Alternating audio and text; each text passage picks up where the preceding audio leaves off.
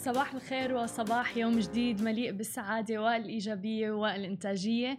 معكم أنا هالة بسام بنشرة الصباح لليوم الثلاثاء ب Smashi TV. واليوم بدنا نحكي عن العديد من الأخبار المتعلقة بعالم ال business والتكنولوجيا طبعا. أول خبر رح يكون معنا لليوم عن أمازون ورح نحكي عن صفقة أيضا رح تقوم فيها أوبر. وبالإضافة إلى ذلك بدنا نحكي عن الاقتصاد في لبنان وعن أسواق النفط.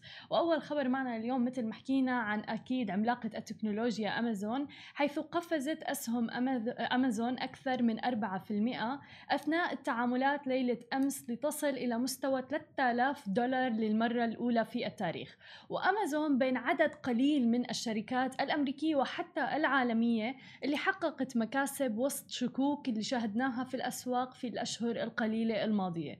وطبعا يرجع هذا السبب إلى حد كبير للقفزة في الطلب على التسوق عبر الإنترنت أثناء جائحة فيروس كورونا وصعدت بورصة وول ستريت يوم الاثنين بدعم من بيانات إيجابية لنشاط قطاع الخدمات وتفاؤل أيضا بشأن التعافي الاقتصادي في الصين.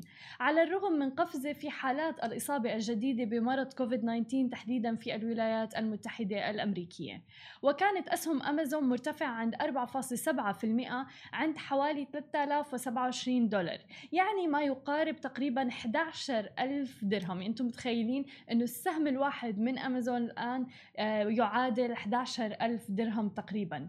وهناك أيضا توقعات بارتفاع سهم شركة أمازون بأكثر من 20% مع استمراره في كسر المستويات القياسية. وأيضا من المتوقع أن يصل سهم أمازون إلى 3400 دولار أو حتى 3500 دولار في الفترة القليلة القادمة. وهذا يعني مكاسب 21% مقارنة بإغلاق آخر جلسات الأسبوع الماضي اللي كانت عند تقريبا 2890 دولار.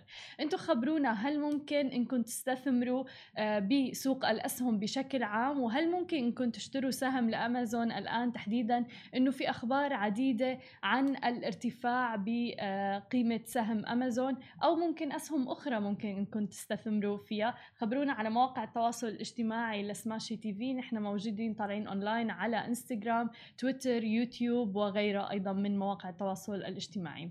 وبننتقل لخبرنا الثاني عن Uber Technologies للنقل التشاركي اللي وافقت أيضا على صفقه شراء لتطبيق Postmates لتوصيل طلبات الأطعمة في صفقة مبادلة أسهم تقريبا كانت قيمتها 2.63 مليار دولار. وبالأسبوع الماضي قالت Postmates إنها أحيت خطط لطرح لطرح عام أولي بعد صفقات في قطاع خدمات توصيل الطعام الإلكتروني واللي أشاعت اهتمام الاهتمام بالاستحواذ على الشركة. وكانت أحدث قيمة تقديرية ل Postmates تقريبا 2.4 مليار دولار حين جمعت 225 مليون دولار في جولة خاصة لتدبير التمويل في سبتمبر الماضي. تأسست طبعا Postmates في سان فرانسيسكو بعام 2011 تقريبا استحوذت على 8% من سوق توصيل الوجبات في الولايات المتحدة الأمريكية في مايو. ويمكن طبعا هذه الصفقة أن تعزز العلاقة تحديدا آه، بأعمال Uber و Uber Eats وبتساعدها على تعويض انهيار أعمالها الأساسية بسبب جائحة فيروس كورونا. مثل ما بنعرف تراجعت بشكل كتير كبير أعمال Uber Eats و Uber بشكل عام مع تقييد الحركة وغيرها حول العالم. وستكون طبعا الصفقه أيضا بمثابة شريان الحياة لشركة Postmates وهي شركة عمرها تسع سنوات وكانت واحدة من أكثر الشركات الناشئة بوقت سابق وانخفض الطلب على نشاط أوبر للنقل. جراء تفشي جائحة فيروس كورونا حيث طبعا مثل ما بنعرف صار في تقييد للحركة حجر منزلي بقوا يعني جميع الناس في منازلهم.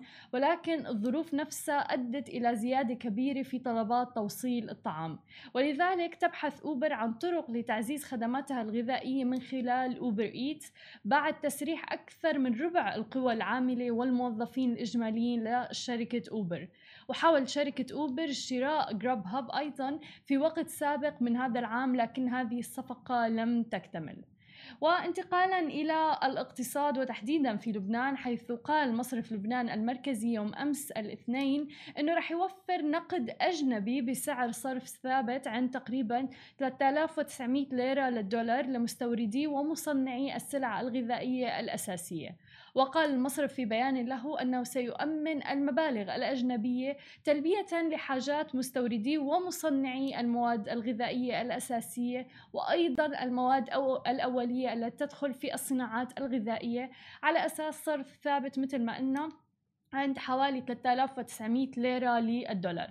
هذا طبعا وقد فقدت الليرة اللبنانية حوالي 80% من قيمتها منذ أكتوبر تشرين الأول في السوق الموازية أو السوق السوداء في حين تراوح سعر الصرف آه، بين 9000 وتقريبا 9500 ليرة للدولار.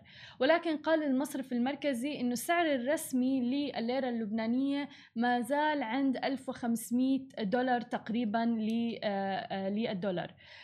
مثل ما عم نشوف الوضع للأسف ما زال يزداد سوءا في لبنان ولكن قدر الإمكان قدر الإمكان عم بيحاولوا إنه يحطوا حد لموضوع آه ارتفاع الليرة اللبنانية في السوق السوداء. مثل ما عم نشوف قيمتها عم بتقل جدا ولكن الآن يعني الدولار يوازي تقريبا 10000 ليرة لبنانية الآن. وإذا بدنا ننتقل لخبرنا الأخير وعقود النفط وتحديدا أسواق النفط حيث أغلقت العقود الآجلة للنفط مستقرة إلى حد كبير مع تجاذب السوق بين بيانات اقتصادية إيجابية تدعم الأسعار وقفزة أيضا في حالات الإصابة بفيروس كورونا وفي الولايات المتحدة الأمريكية التي قد تكبح الطلب على الوقود وتضغط على الأسعار. وأنهت عقود خام برنت القياسي العالمي لأقرب استحقاق جلسة التداول والتي ارتفعت عند 30 سنت إلى 43 دولار للبرميل الواحد. بينما تراجعت عقود خام القياس الأمريكي غرب تكساس الوسيط سنتين تقريبا لتسجل عند تسوية 40 دولار للبرميل الواحد. ويقال أنه القوى المتنافسة في سوق النفط الآن هي إعادة فتح الاقتصادات حول العالم وهو ما يزيد الطلب على النفط في مواجهة مخاوف من إغلاق اقتصادات حول العالم بسبب قفزة جديدة متوقعة في الإصابات الجديدة بفيروس كورونا.